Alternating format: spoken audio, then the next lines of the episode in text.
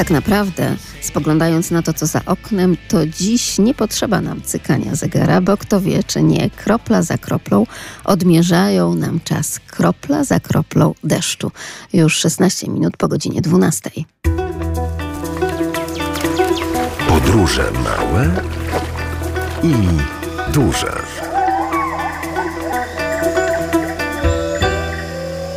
Spotykamy się oczywiście w gronie tych, którzy lubią podróżować i wtedy, kiedy chociażby gdzieś tam na liczniku wskazujemy bardzo duże odległości, ale również i takie, kiedy na krokomierzu wskazujemy odpowiednią ilość kroków. I tak też dzisiaj będziemy wędrować, a wędrować będą z Państwem Bogusław Wichrowski, który ten program zrealizuje i kłaniająca się sprzed mikrofonu Magdalena Lipiec-Jaremek.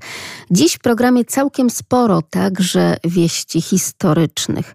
Dużo takich takich wycieczek związanych z historią naszego regionu i miasta także, a zaczynamy od Atlasu Historycznego.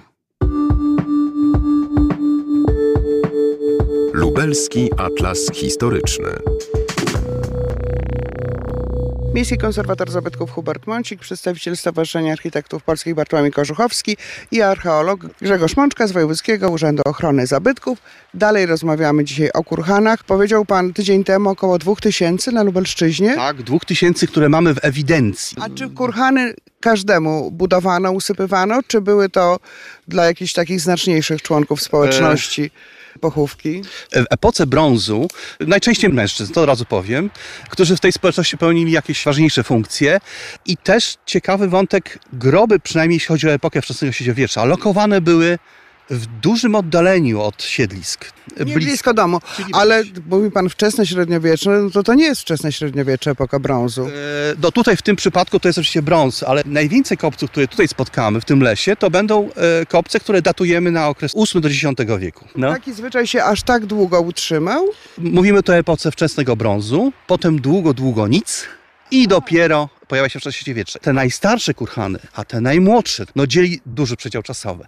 Ale Słowianie, którzy tu przybywali, uznawali, że skoro stoją już kurhany, zatem kontynuowali tą akcję grzebalną i jakby dostawiali nowe, własne. Pan Grzegorz wspominał o tym, że na terenie Lublina były również takie miejsca, gdzie na przykład z kartografii historycznej wynika, że mieliśmy takie cmentarzyska kurhanowe, ale dzisiaj już nie istnieją, albo jakieś ich ślady w niewielkim stopniu tak naprawdę nadają się do przebadania. Tutaj wydaje mi się, że takimi dwoma chyba najbardziej czytelnymi przykładami mogą być miejsca związane z cmentarzyskiem kurhanowym na Ponikwodzie, gdzie mapy z przełomu XVIII-XIX wieku pokazują bardzo pięknie, bardzo czytelnie cały duży zbiór grobów w różnej skali. A dzisiaj tego kompletnie nie widać. A mamy jakiś kurhan w Lublinie? Mamy, mamy. Tutaj też bardzo interesujące odkrycie archeologów z Wojewódzkiego Urzędu Ochrony Zabytków na cmentarzu przy Kleberga, o którym kiedyś mówiliśmy. Na Kalinowszczyźnie. To może są i inne, o których nie wiemy. E, no.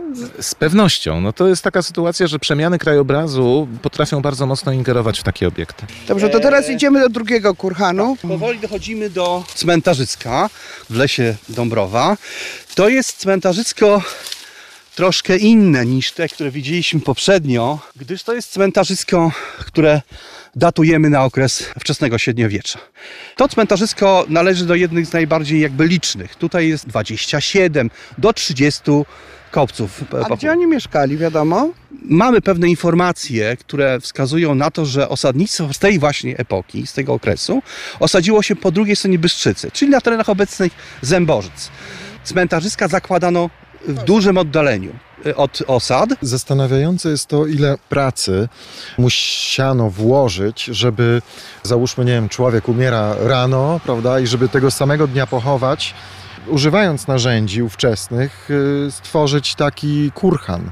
Podejrzewam, że musiało uczestniczyć w tym wiele osób, jak nie cała społeczność. Wątek, który Pan poruszył, jest niezwykle interesujący, dlatego że trzeba pamiętać o tym, że w okresie wczesnośredniowiecza te grupy ludzkie były o wiele mniejsze niż my to tak pojmujemy w kategoriach wsi czy osady. One składały się z kilku, kilkunastu maksymalnie rodzin i w momencie, kiedy jedna z osób tej społeczności odchodziła, to ludzie, którzy na co dzień ciężko pracowali, czy to w rolnictwie, czy też w hodowli, musieli oderwać się od tych czynności i poświęcić się na sypanie nasypu, dysponując no, prymitywnymi narzędziami. Nie posiadali przecież łopat metalowych, tylko kosze i drewniane łopaty. Ileż musiało to poświęcenia włożyć, ile czasu, zapewne to nie trwało dzień. Usypywanie takiego kurhanu, no, podobnie jak ten, który tu widzimy, to jest na pewno kilka tygodni. Pamiętajmy o tym, że ludzie w tym czasie musieli być wyłączeni z takiej e, codzienności, tylko poświęcali się wyłącznie na A zmarły już był spopielony? Tutaj jest też ciekawa informacja. Otóż w tych nasypach natrafiamy na spopielone szczątki, czyli to był obrządek kremacyjny, ale szczątki zostały jakby rozsypane w czasie usypywania tego A coś kurhanu. wiemy na temat właśnie żałoby, czy takich zwyczajów? Musiały to być jakieś e, obrzędy, czy nie wiem, coś bardzo przejmującego, skoro decydowali się na takie, prawda, poświęcenie jak kilka tygodni, tak jak pan Ciężkiej- mówi, ciężkiej pracy pracy. dodatkowej. Czy wiemy coś na ten E, temat? Czy Jeśli chodzi o zwyczaje pogrzebowe, no od wielu lat próbujemy my archeolodzy rekonstruować te, te rytuały zwi- związane z pochówkiem. Przede wszystkim ciała kremowano, niekoniecznie w tym samym miejscu, w którym powstał później kopiec. Były te prochy zebrane w naczynie, czekały, No czekały. Natomiast nie mamy potwierdzonego jakby tego kultu zmarłych, czyli po złożeniu ciała i po złożeniu do tych prochów ludzkich, te cmentarzyska do nich nie powracano zbyt często, gdyż nie mamy świadectw, które mówiłyby o tym, że podtrzymuje się pamięć. One jakby stają się jakby taką jednorazową akcją. Takie sytuacje zdarzają się też w młodszych epokach cmentarzy średniowiecznych, gdzie nie zaznaczano na przykład w ogóle e, grobów na powierzchni. Archeolog Grzegorz Mączka, Wojewódzki Urząd Ochrony Zabytków, Miejski Konserwator Zabytków Hubert Mącik i przedstawiciel Stowarzyszenia Architektów Polskich Bartłomiej Korzuchowski. To była druga lekcja o kurhanach. Lubelski Atlas Historyczny. Audycja powstała przy współpracy z lubelskim oddziałem SARP.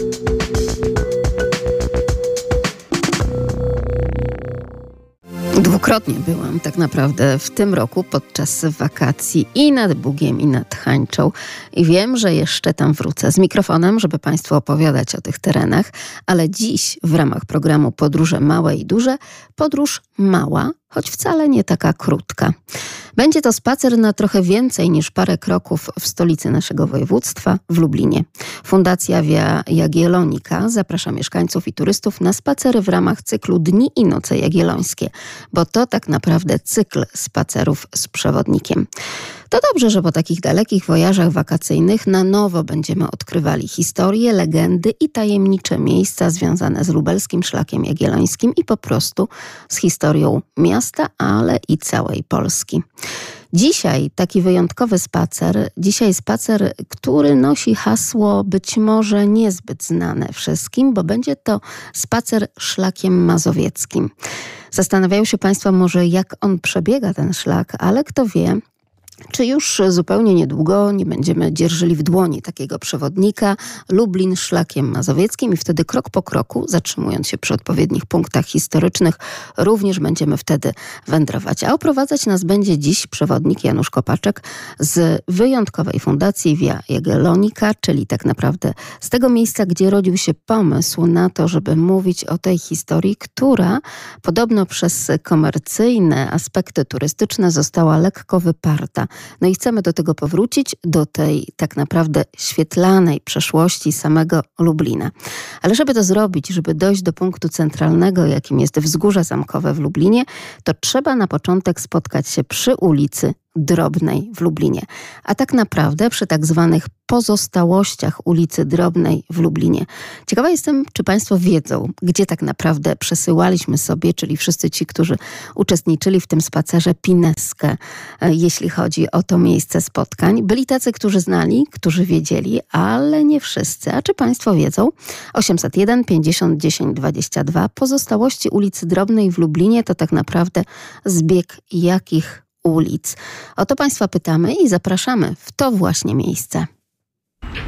Lublin nigdy nie był wielkim miastem, e, ale zawsze miał bardzo urokliwe położenie. E, W czasach jagiellońskich e, do Lublina prowadziło przynajmniej kilka ważnych traktów. My jesteśmy teraz przy ulicy Drobnej, a właściwie jak to można y, znaleźć mapę, na mapie, przy pozostałościach ulicy Drobnej. Chciałem dzisiaj pokazać Państwu dawny trakt mazowiecki. No już właściwie na wstępie dostałem pytanie, czy ulica Drobna to jest dawny trakt mazowiecki, a właściwie jego odcinek. Myślę, że uczciwie będzie odpowiedzieć na pytanie w ten sposób, że jest to punkt orientacyjny. Ale czy rzeczywiście tą drogą zmierzał do Lublina na przykład król Zygmunt August, e, gdy w latach 50. XVI wieku tutaj przybywał? Czy później, dokładnie tym odcinkiem, zmierzał do Lublina Albrecht Friedrich Hohenzollern, książę pruski, żeby tutaj złożyć królowi hołd. I oczywiście było to w roku 1569 i 19 lipca taki hołd w Lublinie miał miejsce.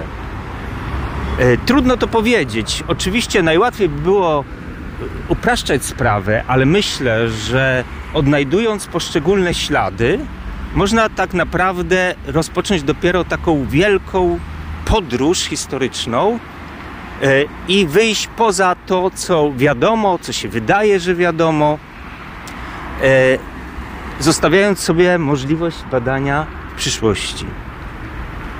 E, Otóż przed naszym spotkaniem specjalnie zamieściłem dwa widoki Adama Lery. I my stoimy w miejscu, które obejmuje jeden z tych widoków. Mianowicie obejmuje on jakąś groblę nad stawem, jakiś zamek, jakąś kępę drzew i jak porównamy to z tym, co teraz widzimy, e, wprawne oko może zauważyć, którędy biegnie Czechówka, no ale to trzeba się domyślać po drzewach. Oczywiście rondo pułkownika Kuklińskiego e, i mnóstwo samochodów, trasa WZ i wszystko wskazywałoby na to, że tutaj doszło do ogromnej zmiany i rzeczywiście tak było. E, Tam zauważylibyśmy też, że trudno odczytać na tym widoku ulicę północną. Dlatego zostawmy sobie jeszcze kilka takich pytań, ale pójdźmy na górę pozostałościami ulicy Drobnej. Brukiem, który oczywiście nie pamięta XVI wieku, ale kto wie, kto wie, może właśnie dokładnie tym odcinkiem król Zygmunt August podążał w XVI wieku do Lublina. Kiedy tak wsłuchujemy się w szum aut właśnie na tym bardzo ruchliwym skrzyżowaniu, a jeszcze Państwa o to skrzyżowanie podpytuję 801 50 10 22. Proszę spróbować chociaż wsłuchując się także w słowa naszego przewodnika Janusza Kopaczka, także umiejscowić dzielnicę, w której się znajdujemy, bo od lat nie ma już tej ulicy, ulicy Drobnej. Znaczy w zasadzie to ona wciąż istnieje, choć z planu miasta dawno zniknęła. Ponad 100 lat temu była jedną z ważniejszych ulic na obrzeżach naszego miasta, a dzisiaj kto wie, czy nie popadła w taką niełaskę, zapomnienie, ale także na różnego rodzaju mapach elektronicznych możemy odnaleźć tak zwane pozostałości ulicy Drobnej w Lublinie. Proszę spróbować nam wskazać, skąd zaczynamy ten nasz wyjątkowy spacer, spacer traktem mazowieckim 81 743 7383. Wokół, tak jak Państwo słyszą, słyszymy szum ulicy, a pod naszymi nogami bruk. Czy aż tak z czasów zamierzchłych, w których się poruszamy tutaj historycznie, czy niekoniecznie, tłumaczy nasz przewodnik. Myślę, że to jest y, bruk, który pewnie sięga XX wieku, ale myślę, że tutaj musieliby się wypowiedzieć specjaliści w tym temacie. Jest to rzeczywiście pozostałość ulicy Drobnej. Część rzeczy oczywiście jest tutaj już pozmieniana, bo widzimy chociażby schody i jakieś ułatwienia, ale generalnie jest to ten odcinek. I na starych mapach można zauważyć, to jest taka ciekawostka, że ulica Drobna albo mm, jakaś jej odnoga najbliższa z jednej strony była wchodząca, z drugiej schodząca. Trudno to sobie teraz wyobrazić, ale tak na starych mapach można odczytać. Jeżeli chodzi o ulicę Drobną, to ona de facto jako całość mniej nas interesuje, ale bardzo interesuje ona liczne grono osób, które pamiętają ją jeszcze. Nas interesują przede wszystkim czasy jagiellońskie, które są bardzo trudne do odnajdywania w tego typu miejscach, ale jest ryzyko jak zabawa. Otóż wyobraźmy sobie dwie możliwości. Jedną taką, że staw podchodzi właśnie pod to wzgórze i nie mamy możliwości poruszać się ulicą północną. Więc ta wersja byłaby tego typu, że tym fragmentem ulicy Drobnej, e, wjeżdżając do Lublina, może od tej strony zacznijmy, zjeżdżalibyśmy na dół, ale wcześniej musielibyśmy oczywiście dostać się nieco wyżej. I w ten sposób ominęlibyśmy staw. Ale trudno na podstawie jednej ikonografii wnioskować, jak ten staw na, na pewno wyglądał. My chodząc po Lublinie często nie zwracamy uwagi na rzeczy takie zdawałoby się oczywiste i też trudno nam odczytać um, jaka wiąże się z nimi historia, zwłaszcza ta najstarsza. Ale jeżeli spojrzymy na to w ten sposób, że poszczególne odcinki e, naszego miasta, da, danych ulic mają swoją historię i mają też swoje powiązania, wówczas okazuje się, że w tym całym labiryncie możemy doszukać się niesamowitych historii. E, przed dzisiejszym spotkaniem spróbowałem prześledzić mapy, przynajmniej niektóre. I co się okazało? Okazało się, że ten trakt jest bardzo różnie nazywany. Nas interesuje on oczywiście przede wszystkim jako trakt mazowiecki, tak, trakt z Warszawy, ale też jak wcześniej wspomniałem, kto jechał z Królewca, a więc obecnego Kaliningradu, mógł dojechać do Pragi i Warszawy e, i mógł właśnie tą drogą tutaj zmierzać. E, w przypadku XVI-wiecznych źródeł wyraźnie występuje on jako trakt, jak to napisano, z Mazowsz, czyli z Mazowsza. E, oczywiście dzisiaj pewnie upraszczając sprawę, moglibyśmy powiedzieć trakt warszawski. Aczkolwiek na tych mapach, o których wspominałem, znajdują się takie informacje, że była to droga dojazdkowa, że była to droga do Garbowa, również Markuszowa, Kurowa i Końskowoli. No ale trudno znaleźć to w itinerariach królewskich. E, tak naprawdę takim punktem orientacyjnym, który pojawia się jako żelazny punkt, nie mówię, że jedyny, ale na pewno żelazny, to znaczy, że z całej pewności na tej trasie była Stężyca. I teraz te późniejsze mapy, późniejsze wzmianki dopełniają tej trasy, to znaczy informacji o tej trasie, E, i możemy dzięki temu mniej więcej prześledzić, jak ona wbiegała do Lublina, z tym, że wspomnianym przeze mnie Jastkowem. Oczywiście, gdybyśmy w drodze wyjątku wyszli poza czasy jagiellońskie, e, to przypomną się historie może bardziej powszechnie znane, chociażby taka, że Trybunał Koronny, który obradował w Lublinie, pewnego dnia został zaszczycony przez króla ostatniego e, Stanisława Augusta Poniatowskiego i wówczas e, wyruszono aż do Jastkowa po to, żeby powitać króla i razem z nim przyjechać tą trasą. Później pojawiła się informacja o tym, że e, król niestety miał problemy przy wjeździe do miasta już tej jego zabudowanej części otoczonej murami, mianowicie, że przy bramie świętoduskiej jego pojazd utkwił w błocie. I to jest historia bardzo znana, ale kto z nas kojarzy w jakikolwiek sposób tą historię właśnie z ulicą Drobną? A więc widzimy, że jesteśmy przy de facto niegdyś wielkiej międzynarodowej trasie, która ma swoją historię, którą przyjeżdżało wielu królów, e, również e, którą podróżowała szlachta, kupcy i tak. I ten trakt na odcinku właśnie od ulicy Drobnej aż do bramy krakowskiej, następnie grodzkiej i bramy zamkowej, niezachowanej do dnia dzisiejszego bramy zamkowej na wzgórzu zamkowym, może być taką trasą spacerową.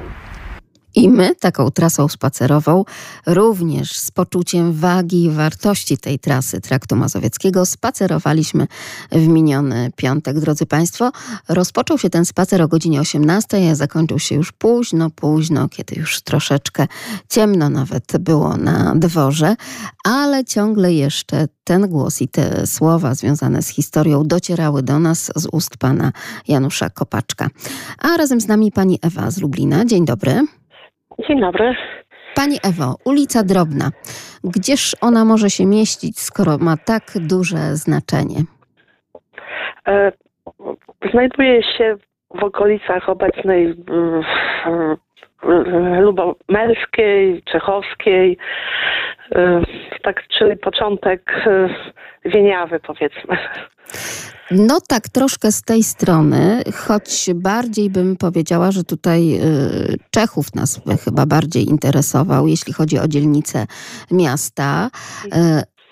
Ale tak, ma Pani rację. No generalnie trzeba szukać tam, gdzie duże arterie komunikacyjne no, przecinają. jeszcze kompozytorów polskich. Mm. Dokładnie tak. I ulica Północna, która tutaj padła już z ust pana przewodnika. Po prostu spotkaliśmy się przy pozostałościach dawnej ulicy Drobnej, czyli u zbiegu Alei Kompozytorów Polskich i ulicy Północnej. Tak po prostu. Czy widziała Pani być może ten bruk, te kociołby, na tym króciutkim fragmencie, tylko podprowadzającym nas tak naprawdę e, pod e, bloki? Dosłownie osiedla. E, tak, tak, tak, tak, tak. tak. Czyli... To jest na, na Czechów. Na Czechów rzeczywiście tam w okolicy e, Paganiniego, może jeszcze bliżej. Tak, czyli jeżeli się przeszło przez ten bruk, no to być może spoglądając tak w dół czasami, e, w takiej codzienności biegając po mieście, może nas to natchnąć do tego, żeby się zastanowić, cóż to za miejsce. Bardzo dziękuję, że nam dziękuję. je Pani przybliżyła. Może gdzieś kiedyś jeszcze spotkamy się na spacerze na tym lubelskim bruku, czego sobie życzę. Wszystkiego dobrego. Dziękuję. Dziękuję pięknie. Dziś oczywiście turystyczne gadżety do tego, żeby zachęcać Państwa do tych podróży małych i dużych, ale także do opowieści związanych z historią, ale także z turystyką i oczywiście z tym, co bardzo cenne, czyli takie walory krajoznawczo-historyczno-turystyczne w samym naszym mieście i wszystkich innych miastach regionu i w całym regionie. 801 50 10 22, także kontakt z nami poprzez e-mail podróżemałpa.radio.lublin.pl.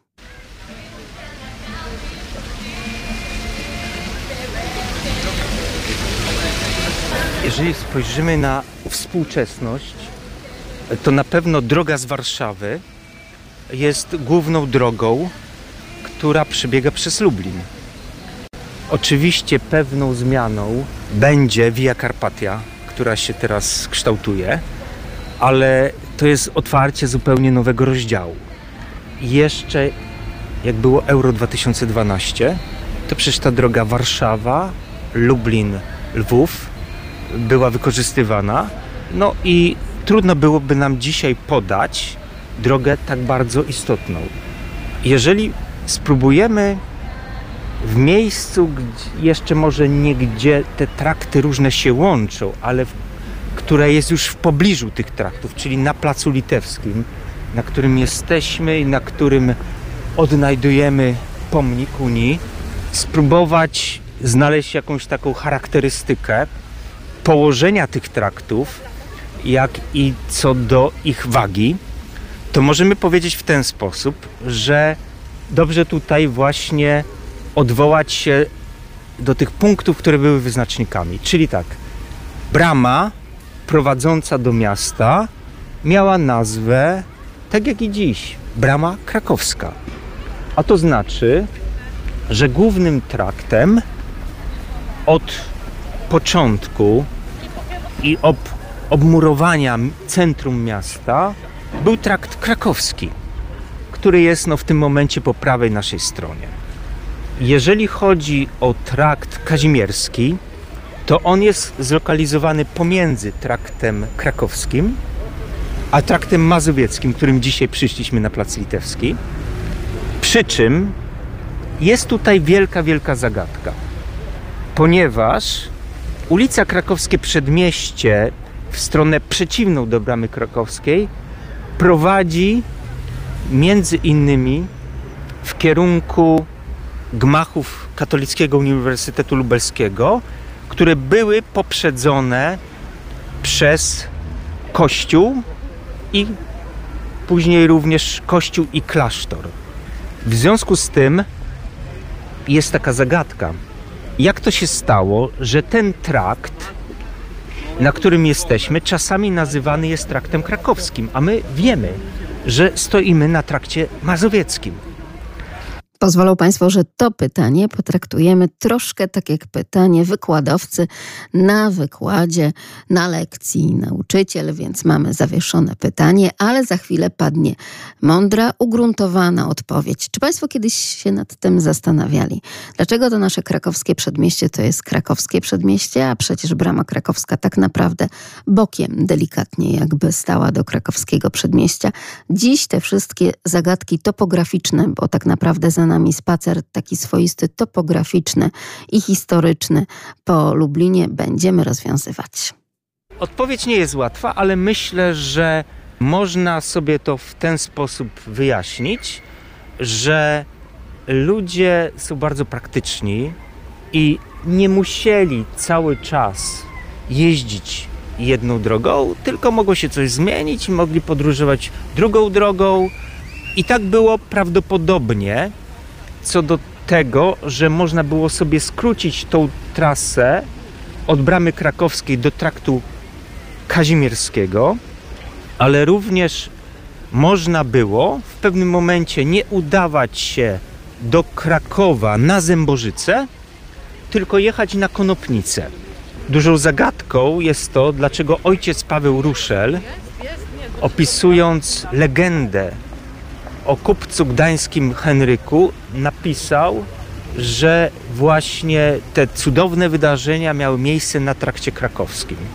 No ja to wyjaśniam to w ten sposób właśnie, że zapewne chodziło tutaj o zmianę już drogi do podróżowania tym traktem. Ale dla nas dzisiaj ważniejsze jest to, jak to się ma wszystko do traktu mazowieckiego. I odpowiedź jest taka że de facto tak poprawnie powinniśmy mówić, patrząc na tą główną drogę wychodzącą od strony Jastkowa w kierunku bramy krakowskiej, a więc i o placu litewskim, że jesteśmy na dawnym trakcie mazowieckim. I teraz przypatrzmy się zabudowie krakowskiego przedmieścia od pomnika Unii Lubelskiej.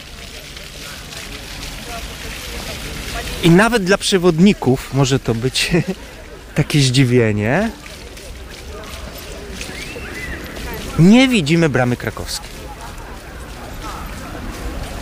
Tak jak Państwo słyszą w tle, jeszcze fontanny działające, bo to przecież nagranie z piątku. Jeszcze nie ten deszcz dzisiejszy.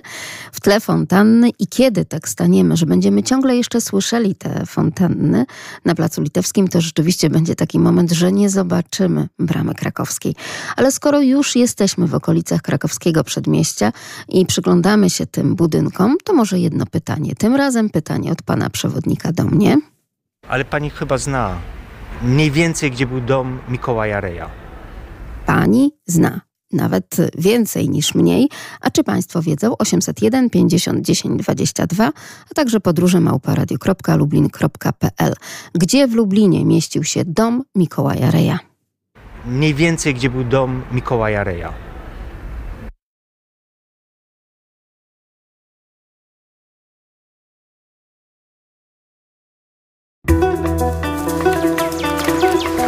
Podróże małe i duże. Mniej więcej, gdzie był dom Mikołaja Reja. Z tym pytaniem, z tą zagadką tak naprawdę zostawiłam Państwa kilka chwil temu. Czy już być może Państwo wiedzą? 801 50 10 22. Powiem Państwu, że dzisiaj pogoda taka raczej kawiarniana, więc proszę poszukać w tych okolicach. Niech to będzie dla Państwa dobrą podpowiedzią co do lokalizacji domu Mikołaja Reja w Lublinie. Ale pani chyba zna mniej więcej, gdzie był dom Mikołaja Reja. Pani Aniu, pani chyba zna mniej więcej, gdzie był dom Mikołaja Reja, prawda? No tak mi się zdaje, że znam. To jest obecna cukiernia Chmielewski, czyli krakowskie przedmieście 8. Bo tak jak się dowiedziałam, w 1563 roku tam właśnie Mikołaj Rej no, zakupił dom. Tak, tak naprawdę to był dwór. Na początku to był dwór oczywiście z jakiego budulca? Jakie ma pani tu skojarzenie? Drewniany, drewniany, tak jest. Tak, tak. Bo to oczywiście ten XVI wiek. W tym miejscu w XVI wieku stał właśnie dwór Mikołaja Reja, krakowskie przedmieście numer 8. Dla mnie zaskoczeniem było to, że tak naprawdę dopiero w 2009 roku zawisła tam na tym budynku e, tablica informująca, że właśnie tutaj e, mieszkał w Lublinie Mikołaj Rej, prawda? To naprawdę Mhm. zupełnie, zupełnie niedawno, E, bo można by było się spodziewać, że wiemy o tym już od szeregu, szeregu lat i że tak naprawdę ten symbol także dla turysty i tego przyjezdnego i tego turysty, mieszkańca e, już też powinien był być e, dość dawno temu. A to proszę bardzo, dopiero w 2009 roku mamy ten znak widoczny na tablicy. Ta tablica jest wmurowana właśnie przy krakowskim przedmieściu numer 8 w Lublinie. Lubi Pani tak wędrować po mieście, odnajdując ślady historyczne? E, lubię, lubię. Mhm. bo wtedy naprawdę z zupełnie innej strony spoglądamy i to nasze miasto, w którym żyjemy, pracujemy, uczymy się i zależnie w którym etapie życia jesteśmy, być może przemawia do nas tym brukiem i tutaj na przykład jeśli chodzi o e, kamienice, także również tymi kamienicami. Bardzo dziękuję Pani Aniu. Wszystkiego dobrego dziękuję. życzę. I także do zobaczenia, czy to w Świdniku na szlaku, bo to też jest miasto warte poznawania, czy to właśnie w Lublinie. A my ciągle, drodzy Państwo, jeszcze nie dochodzimy nawet do tego krakowskiego przedmieścia numer 8 w Lublinie. Wędrujemy, przypomnę, z naszym przewodnikiem Januszem Kopaczkiem i jesteśmy, drodzy Państwo, ciągle przy ulicy Krakowskie Przedmieście, tak przy samym wyjściu z Placu Litewskiego i nadal nawet nie widzimy bramy krakowskiej. A przecież każdy z nas myśli o tym, że krakowskie przedmieście w Lublinie to jest bardzo prosta ulica, która bezpośrednio, jak po sznurku, jak po linii, prowadzi nas do wejścia do samej bramy krakowskiej. Ale w rzeczywistości, wtedy, kiedy poznajemy topografię naszego miasta, tak wcale nie jest.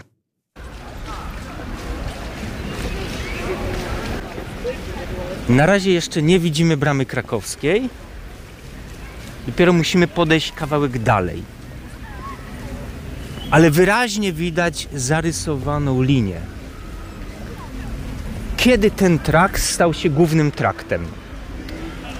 Zwykle jak idziemy do Warszawy, widzimy przed Zamkiem Królewskim pomnik króla Zygmunta III Wazy, Przychodzą koło nas przewodnicy i mówią właśnie, że przeniósł stolicę z Krakowa do Warszawy. Oczywiście krakowianie będą się oburzać, bo dalej pozostała to stolica koronacyjna, dalej tam chowano w katedrze królów. No ale prawda jest taka, że rzeczywiście Zygmunt III Waza przebudowywał tam ten zamek i był związany z Warszawą. Ale nie mówi się, a my Lublinianie powinniśmy to przypominać, że już Zygmunt August, zanim przyjechał w roku 1568 do Lublina, to był właśnie w Warszawie już przez pewien czas dłuższy. A po wyjeździe z Lublina, po zakończeniu Sejmu, odwiedził Knyszyn i znowu wrócił na ostatnie lata swojego życia do Warszawy. To on rozpoczął między innymi budowę mostu, który połączył Pragę i Warszawę. A to znaczy, że właśnie ten król przyczynił się do tego, że te funkcje stołeczne przejęła Warszawa. Więc upraszczając sprawę, można powiedzieć, że druga połowa XVI wieku, pierwsza połowa XVII wieku to już był ten czas, w którym znaczenie traktu w Lublinie na pewno się zmieniało. I o ile wcześniej trakt krakowski był tym głównym i niepodwyżalnie głównym, o tyle w tym czasie trakt na Mazowsze stawał się traktem, który z nim konkurował, a w pewnym momencie oczywiście przejął główną rolę. Oczywiście trakty na Litwę i Ruś też były ważne, ale to jest kwestia na zupełnie inną opowieść. I teraz przypatrzmy się, że de facto ulica Krakowskie Przedmieście stanowi kilka różnych odcinków. Wielu ludzi zaskakuje to, że chociaż chodzą dziesiątki, setki razy po Lublinie, powie się im, proszę zobaczyć, ulica Krakowska nie jest prosta. Jak to nie jest prosta? A, a widać bramę krakowską? Nie widać. Jakby była prosta, widzielibyśmy bramę krakowską.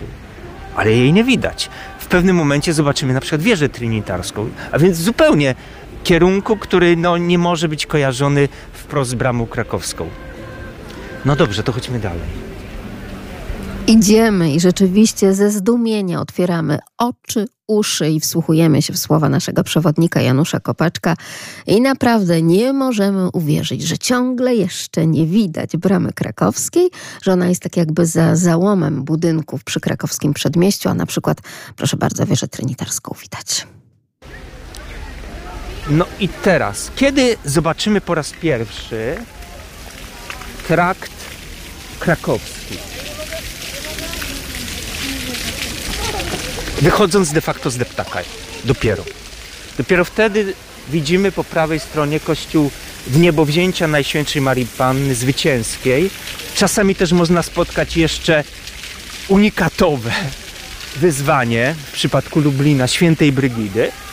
Widzimy, już widzimy wyraźnie kościół.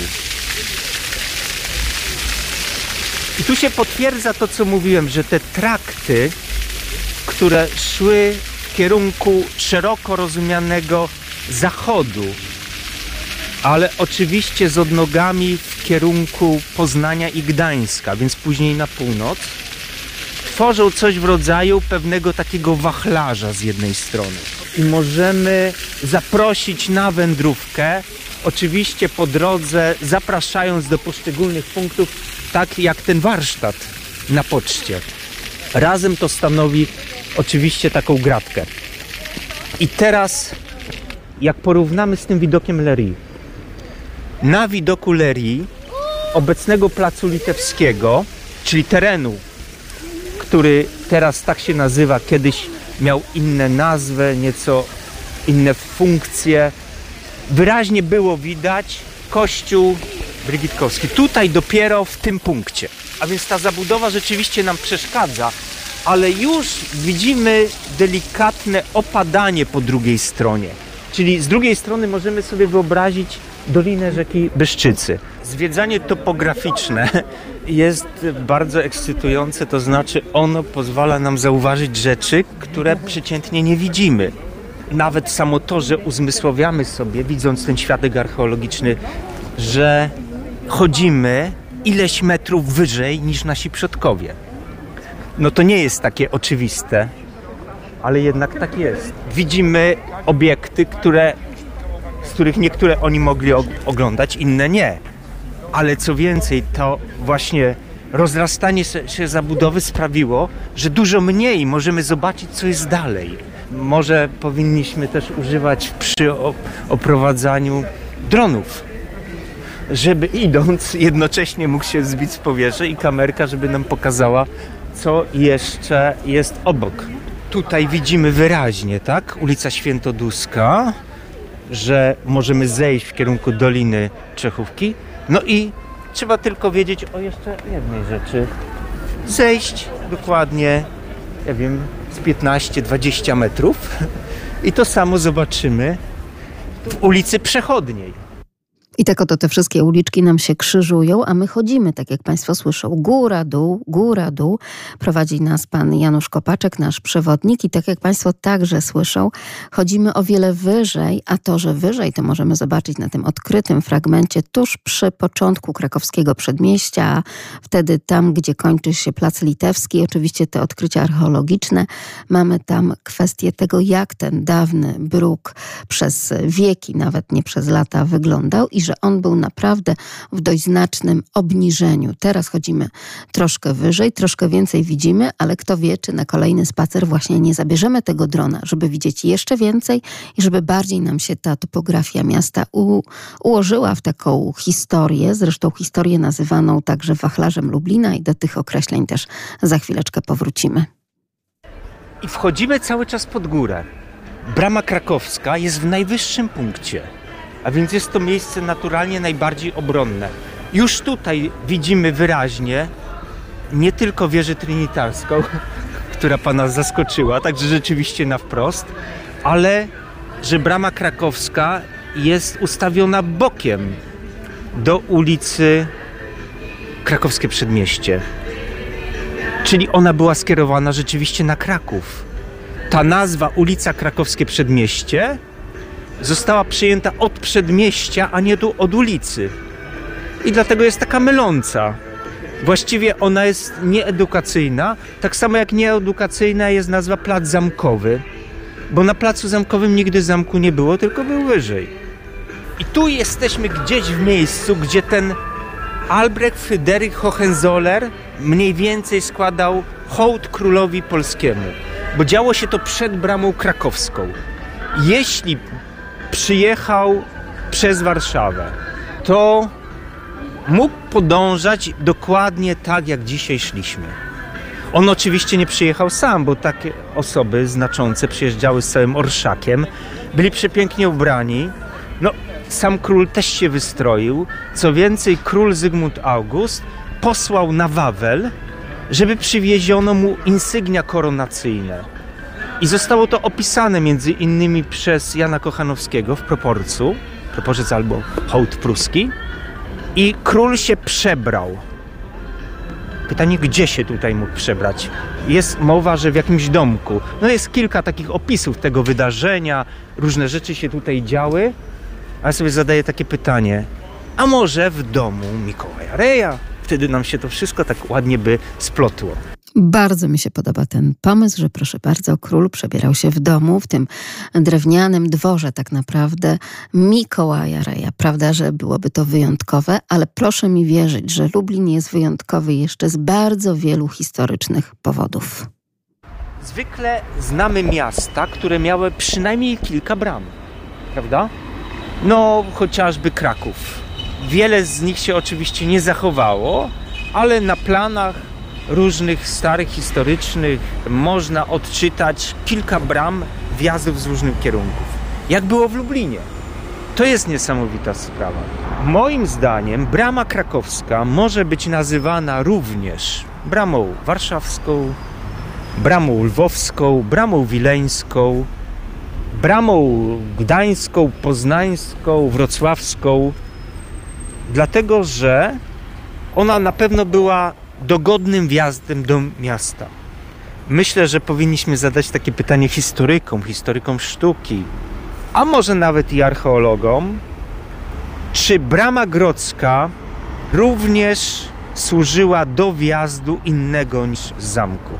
No i okazuje się, że tutaj są różne opinie. Niektórzy twierdzą, że ze względu na różnicę poziomu nie byłoby możliwości wjazdu. Inni z kolei twierdzą, e, że była taka możliwość i że na przykład już w drugiej połowie XVI wieku można było wjechać przez bramę grodzką do miasta, aczkolwiek to z kolei kłóciłoby się z tym, że w XIX wieku tworzono taki łącznik między ulicą Żydowską i Szeroką a Bramą Grodzką. Czyli można tutaj jeszcze mieć różne opinie, ale dlaczego tak ważne i pasjonująca jest próba odkrycia tego? Bo jeżeli nawet moglibyśmy powiedzieć, że ludzie z różnych stron świata spotykali się z bramy krakowskiej, to jednak, gdyby się potwierdziło, że brama grodzka służyła jedynie do skomunikowania zamku i miasta, to by był ewenement na ogromną skalę. Już to, że tylko dwie bramy, to już jest ewenement. Oczywiście tam próbuje się jeszcze mówić o innych bramach, chociażby przy kolegium jezuitów, obecnie pod wieżą Trinitraską, no ale to był wjazd czy wejście do kolegium. Dwie główne bramy to na pewno brama krakowska i brama grodzka. Lublin miasto dwóch bram, a tak naprawdę de facto wjazdowej do miasta tylko jednej bramy krakowskiej. Skoro już jesteśmy przy bramie krakowskiej, to z pewnością Państwo wiedzą, gdzie znajduje się ta replika studni, bo to widać namacalnie, ale przed bramą krakowską archeolodzy odkryli także barbakan. Czy pamiętają Państwo, cóż to takiego jest barbakan? Teraz go już przy samej bramie nie zobaczymy, ale na makiecie na placu Łokietka jak najbardziej tak. 801 50 10 22 i 81 743 7383. Czemu służyły barbakany? Jesteśmy teraz w miejscu, gdzie archeolodzy odnaleźli to dzieło obronne, które nazwali barbakanem. Ono jest wyraźnie widoczne w przyziemiu. Teraz troszkę stragany zasłaniają, ale w większości jest widoczne. I tutaj już jest taki fragment, który, w którym widzimy różnicę pomiędzy makietą. To znaczy, tam była sucha fosa. A więc możemy sobie wyobrazić, że tu była fosa sucha, nienapełniona wodą i zwodzony most. Czyli już mamy przynajmniej dwie konstrukcje broniące dostępu do historycznego miasta. Dwie konstrukcje, w tym oczywiście ten barbakan. A czy może Państwo pamiętają, w jakim kształcie ten barbakan był, ten, który został odkryty zupełnie niedawno przez archeologów? No bo wiadomo, że chyba jednak nie był to taki kształt oczywisty tych wszystkich barbakanów, jakie znamy z innych miast, chociażby na przykład z samego Krakowa. 801 50 10 22, gdzie ten zarys tak naprawdę barbakanu możemy odnaleźć.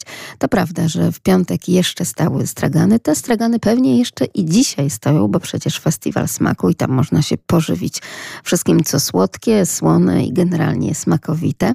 Ale gdyby tak schylić troszeczkę głowę na ten bruk przed samą bramą krakowską, to tam odpowiedni zarys koloru kostki być może wskaże Państwu także i ten barbakan. 801 50 10 22, także 81 743 7383 i kontakt także jak zawsze podróże małparadio.lublin.pl. A my z miłością do miasta i z miłością w mieście wędrujemy. Minęliśmy już Barbakan, którego nie zobaczymy, drodzy Państwo, tuż przy bramie krakowskiej. Nie zobaczymy do dziś, chyba że schylimy głowę i zobaczymy tylko i wyłącznie zarys tegoż Barbakanu. I wchodzimy oczywiście do bramy krakowskiej. Dalej przed bramie, gdzie operowała straż, również z tymi otworami, które umożliwiały odpieranie wroga przy takiej czy innej broni, która akurat była w danym momencie w użyciu. Oczywiście brama krakowska jest przypisywana Kazimierzowi Wielkiemu, tak jak to zwykle bywa, ale ona się rozbudowywała. To, co my widzimy, to jest oczywiście już skutek rozbudowy włącznie z czasami Stanisława Augusta Poniatowskiego, a więc nie możemy wszystkiego przypisywać czasom jagiellońskim. Najstarsza część XIV-wieczna kamienno-ceglana, no i odtworzona brona, która była opuszczana. No mówi się, że na wieczór zamykano miasta i to niezwykłe miejsce. Główna część bramy krakowskiej i sklepienie kolebkowe. Oczywiście widzimy cegły ułożone w wątku gotyckim, ale dlaczego tak niezwykłe?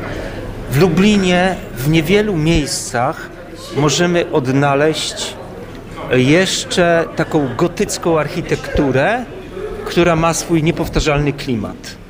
Na Starym Mieście niewiele jest tego typu obiektów. Ten jest oczywiście największy, ale też myślę, że warto na to zwrócić uwagę, bo gdy pójdziemy do Bramy Grodzkiej, zobaczymy już ją otynkowaną. A więc nie będzie robić takiego wrażenia. A poza tym jest jeszcze jeden powód, bardzo, bardzo ważny. Mianowicie nie zachowała się wspomniana przeze mnie trzecia brama Lublina, brama zamkowa.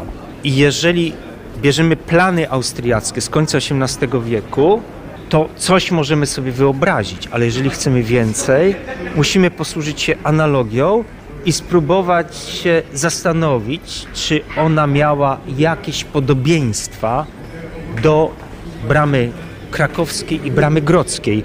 Brama krakowska też jest o tyle cenna, że przy niej znajduje się najwyższy odcinek muru staromiejskiego. I też czasami przechodzimy, nie widzimy, ale warto, warto na to zwrócić uwagę. On był duży, tak? Bo już nawet przy tej wysokości, która się zachowała, widzimy, że to rzeczywiście było miejsce ufortyfikowane, tak. No i ulica Bramowa, czyli dawna krakowska, była to krótka i jest króciutka ulica, bo zaledwie od rynku do bramy krakowskiej. Nazwa ważna, bo ona upewnia, tak jak i brama krakowska, że w kierunku dawnej stolicy zmierzamy cały czas i wędrujemy. Jeżeli chcą Państwo zobaczyć ten wysoki naprawdę i konkretny mur obronny, to od razu proszę się skierować wtedy, kiedy przechodzimy z krakowskiego przedmieścia przez bramę krakowską na lewo. Ale my wprost idziemy nadal, choć to ciągle nie jest prosta droga, bo nie jest to wytyczona linia prosta do bramy grodzkiej. No i nieproporcjonalny dawny ratusz, późniejszy Trybunał Koronny. I tutaj przypomina się nam oczywiście wjazd Stanisława Augusta Poniatowskiego, ale już w czasach końca okresu staropolskiego. I skręt w ulicę Grodzką. Tu już wyraźnie widać, że teren opada, to znaczy byliśmy w najwyższym punkcie, w bramie krakowskiej i schodzimy ulicą Grodzką w kierunku Bramy Grodzkiej. Te ulice nie są jak od linijki.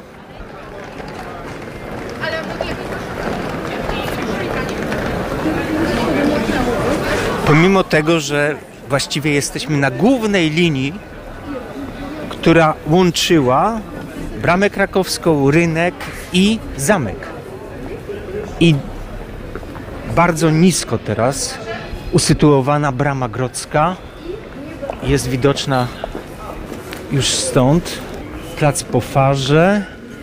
Jak wejdziemy w ten w pierwszą część, to przypomni nam się właśnie główna część bramy krakowskiej.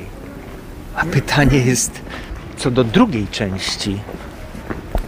Dlaczego brama grodzka ma właśnie tak szerokie obudowane przejście? Na obrazie Pożar miasta Lublina widzimy przed bramie jeszcze. Być może, nie wiem, nie wiem, ale stawiam taką hipotezę, takie pytanie, czy ta druga część, czyli ta bliższa już wzgórzu zamkowemu, nie jest rozbudowanym przedbramiem. Czyli jakbyśmy odwrócili kierunki w stosunku do bramy krakowskiej i przypomnieli sobie przedbramie z tymi gankami straży, tak? Czy tutaj właśnie nie mamy do czynienia z tym? No i nie robi to już tak wielkiego wrażenia, ponieważ wszystko jest otynkowane, nie widzimy cegły, no ale to były dwa, dwie takie ważne bramy miejskie. Plus oczywiście ta brama zamkowa, której nie ma i ta zagadka, i to jest dopiero fascynujące w opowieściach pana Janusza Kopaczka, naszego przewodnika na dziś, jak to było po wyjściu z samej bramy grodzkiej, którędy tak naprawdę kierowano się na zamek, bo przecież to nie był ten nasyp i ten szlak, po którym chodzimy teraz. Jeden z najbardziej fascynujących i zagadkowych widoków jeżeli wie się oczywiście, jak to było przebudowane, latarnia przy domu na podwalu, koło której jesteśmy, przypomina o dawnym podzamczu, a dokładniej przede wszystkim dzielnicy żydowskiej, która się nie zachowała, ale my może skoncentrujmy się w tym momencie na zamku. Osoby, które idą właśnie teraz tym nasypem, prawdopodobnie w większości są przekonani, że wyszli z zamku, idą w kierunku bramy grodzkiej, starym jakimś traktem, może nieco zmodernizowanym. Ale tutaj się nie zgadza prawie wszystko. To jest coś ala taka, takiej mini Atlantydy. W tym miejscu nie widzimy w ogóle zamku. W tym miejscu widzimy wyłącznie budynek więzienny z XIX wieku.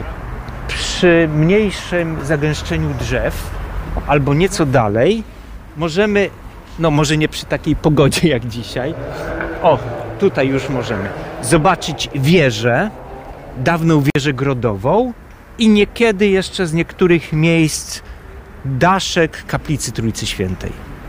I to wszystko z królewskiego zamku. W takim razie, mo, jeśli możemy mieć marzenia, to przydałoby się, żeby na karnawale sztuk mistrzów ktoś kiedyś pomiędzy tą latarnią a latarnią tam przy schodach rozwiesił taśmę lub sznur i przeszedł tak jak kiedyś albo mostem, albo później ulicą zamkową dostawano się z miasta na zamek, z zamku do miasta. To jest zupełnie inna opowieść. Zupełnie inaczej to wyglądało. Czyli wszystko to, co najcenniejsze, jeżeli chodzi o zabudowę świecką na wzgórzu zamkowym, było w tej części. Obecnie nie jest to w żaden sposób zaznaczone. Były prace georadarowe wykonywane na zlecenie Miejskiego Konserwatora Zabytków. Wykazały jakieś anomalie. Mm, plany austriackie i plany z czasów Królestwa Kongresowego wyraźnie wskazują, że zabudowa dawnego pałacu, który stanowił skrzydło zachodnie zamku, sięgała tutaj do tego miejsca, do którego teraz doszliśmy. Od strony południowo-zachodniej były szkarpy podtrzymujące. Taki później był łącznik do bramy. Gdzieś pomiędzy tymi latarniami była brama zamkowa. Tutaj w dniu 1 lipca 1569 roku zapewne na pierwszym piętrze, bo tutaj jest jeszcze kwestia uzgodnienia, jak wyglądały poszczególne kondygnacje, zawarto Unię Lubelską. A później 4 lipca 1569 król zatwierdził i powstała Rzeczpospolita Obojga Narodów. Więc to jest miejsce powstania Rzeczpospolitej Obojga Narodów. Jedyną rzeczą, której nie wiemy, to jest to, gdzie król podpisał zatwierdzenie Unii. No bo gdybyśmy chcieli powiedzieć, no a kiedy tak już na 100% wiemy, że można mówić o Rzeczpospolitej Obojga Narodów. 1 lipca posłowie polscy i litewscy oraz senatorowie litewscy i polscy zaprzysięgli Unię konkretne dwa dokumenty. Dokumenty spisane w języku polskim. Można powiedzieć, patrząc na setki lat, że w sumie niedawno jeszcze oba były, a został niestety jeden. Został dokument Litwinów, jest przechowywany w Archiwum Głównym Akt Dawnych, ma jeszcze sporo pieczęci. Natomiast nie zachował się dokument Polaków o analogicznej treści, y, który został zniszczony w czasie II wojny światowej w Warszawie. Zachował się jeszcze ten akt zatwierdzenia z 4 lipca. I jak ktoś mówi, że Unia Lubelska została podpisana, to jeżeli potraktujemy pieczęcie jako podpis, no to można powiedzieć, no tak, wszyscy podpisali.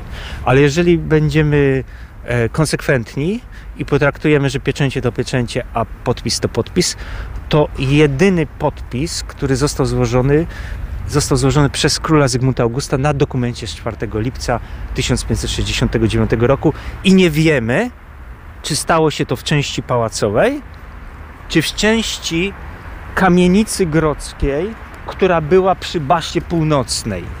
Ona ma jeszcze swoje relikty. Co więcej, odkryto piwnicę, która zapewne stanowiła fragment dawnej kamienicy grodzkiej i nie został on niestety udostępniony. Może kiedyś zostanie udostępniony, bo to by była część bardzo, bardzo ważna dla uświadomienia sobie, jak kiedyś wyglądała również część pałacowa. Te obiekty były nieco oddalone od siebie, ale są informacje, że obydwa budynki były rozbudowywane i na pewno były bardzo, bardzo zdobne i też no, posiadały wiele, wiele pomieszczeń. Obecnie, jeżeli chcemy w jakiś sposób uświadomić sobie, jak to wszystko wyglądało, oczywiście, jeżeli podróżujemy poszczególnymi traktami, to musimy mieć świadomość, że wielu tych podróżników docierało do miasta i już dalej nie przekraczało tej granicy. Natomiast osoby uprzywilejowane, takie jak król, szlachta, biskupi, mogli wjechać na zamek. Dzisiaj tym obiektem, który o tym przypomina, że mieliśmy tutaj nie tylko gród, ale również oczywiście zamek gotycki, a później po przebudowie gotycko-renesansowy jest kaplica Trójcy Świętej. Czasami przewodnicy widzą, jak przychodzą grupy i niektórzy mówią, my na freski, my na freski. No ale te freski nie są wyświetlone na chmurze, tylko one są na konstrukcji. Architekci, historycy, którzy zajmowali się kaplicą Trójcy Świętej, wyraźnie stwierdzili, że mamy tutaj do czynienia z znaczącą budowlą. Są oczywiście pewne analogie z kaplicami królewskimi w innych ośrodkach europejskich. Mamy tutaj do czynienia z dwoma dużymi warsztatami kamieniarskim i tym, który wykonywał cegły. To, że przywrócono przynajmniej na pewien czas możliwość zwiedzania parteru kaplicy, czyli tej części bez fresków, gdzie znajduje się lapidarium, pozwoliło jakby na nowo odkryć. I wówczas ktoś, kto interesuje się architekturą, wyraźnie zobaczy ten słup taki bardzo, bardzo potężny i sklepienia kolebkowe, natomiast kontynuację na górze, między innymi w postaci tego filara i oczywiście żeber sklepiennych, które układają się niczym palma. I dopiero jeżeli ktoś zdecyduje się w ten sposób spojrzeć, to będzie mógł docenić i architekturę, i freski. I to połączenie zachodu ze wschodem jest tutaj oczywiście niesamowite. Ci, którzy byli na Sejmie Lubelskim, ci, którzy podróżowali traktami, a, a mieli ten przywilej odwiedzenia wzgórza zamkowego, oczywiście niejednokrotnie bywali też w tej kaplicy. Tutaj odbyło się jedno z nabożeństw dziękczynnych jeszcze przed zawarciem Unii, ale już po dogadaniu się Polaków i Litwinów, bo oczywiście różne tam były perturbacje, ale summa summarum na tyle się dogadali, że nawet jest taki opis, że padali sobie w ramionach i byli świadomi podniosłości tego aktu. A czy my dziś współcześnie jesteśmy świadomi, jak ogromne znaczenie miał Lublin i ma nadal oczywiście w historii Polski? To jest tak duże znaczenie, że aż trudno to sobie wyobrazić, mówi prezes Fundacji Via Jagiellonika, nasz przewodnik Janusz Kopaczek. Dzisiaj aż trudno sobie wyobrazić, że przez pół roku Lublin był takim pępkiem Europy. I to wzgórze, na którym teraz stoimy. Oczywiście wielu nie mogło na noc tutaj być, jeżeli ktoś nie był królem, nie był na przykład jego podkanclerzem, nie był tutaj do posług, mm, to musiał sobie szukać jakiejś gospody lub przydzielano mu ją i oczywiście oni tutaj przybywali na każde spotkania, ale też y, ciekawostką jest to, może taką bardziej pikantną, że działy się tutaj rzeczy również tragiczne, bo oprócz bardzo dużo rzeczy, które stały się na Sejmie Lubelskim, a więc Unia Lubelska, przyłączenie, ale nie traktujmy tych spraw razem, czterech województw do korony, również zniesienie autonomii Prus królewskich. Ponadto mm, zdecydowano o inflantach nie wchodząc w szczegóły już teraz, które stały się lennem Polski i Litwy. Również rozszerzono kompetencje Komisji Morskiej, następowały zmiany co do funkcjonowania poczty i można dodawać kolejne rzeczy, ale też były sądy. I na przykład jest mowa o człowieku, który został skazany na ścięcie głowy, gdzieś na dole wieży, więc być może w tej części obecnie piwniczej, e, przetrzymywany był. Mm, poszedł na modlitwę do kaplicy i wyprowadzono go tą drogą, którą szliśmy w przeciwną stronę szedł i został ścięty mieczem przed ratuszem. Aż trudno sobie wyobrazić, że to wszystko, tą całą historię pomieściło to wzgórze. Nie jedna z tych historii nadaje się na film. Chociażby jak książę Legnicki darowuje królowi dwa lwy, które później są odwiezione na Wawel. To wszystko nadaje się na film, nadaje się także na historie, opowieści radiowe. Dlatego my w podróżach małych i dużych będziemy oczywiście obiegali niemalże całą kulę ziemską, ale także będziemy powracali do naszego Lublina. No i na pierwszym miejscu będziemy stawiali nasz region. Takie to podróże tak naprawdę dopiero przed nami. A kontakt z naszą redakcją, jak zawsze, podróże małparadio.lublin.pl. Czekamy także na Państwa zgłoszenia. Być może takich miejsc, być może takich osób, które, które potrafią nam opowiedzieć o tych miejscach, ale również odkrywać na nowo tajemnice, zagadki, być może pisać nową turystyczną historię.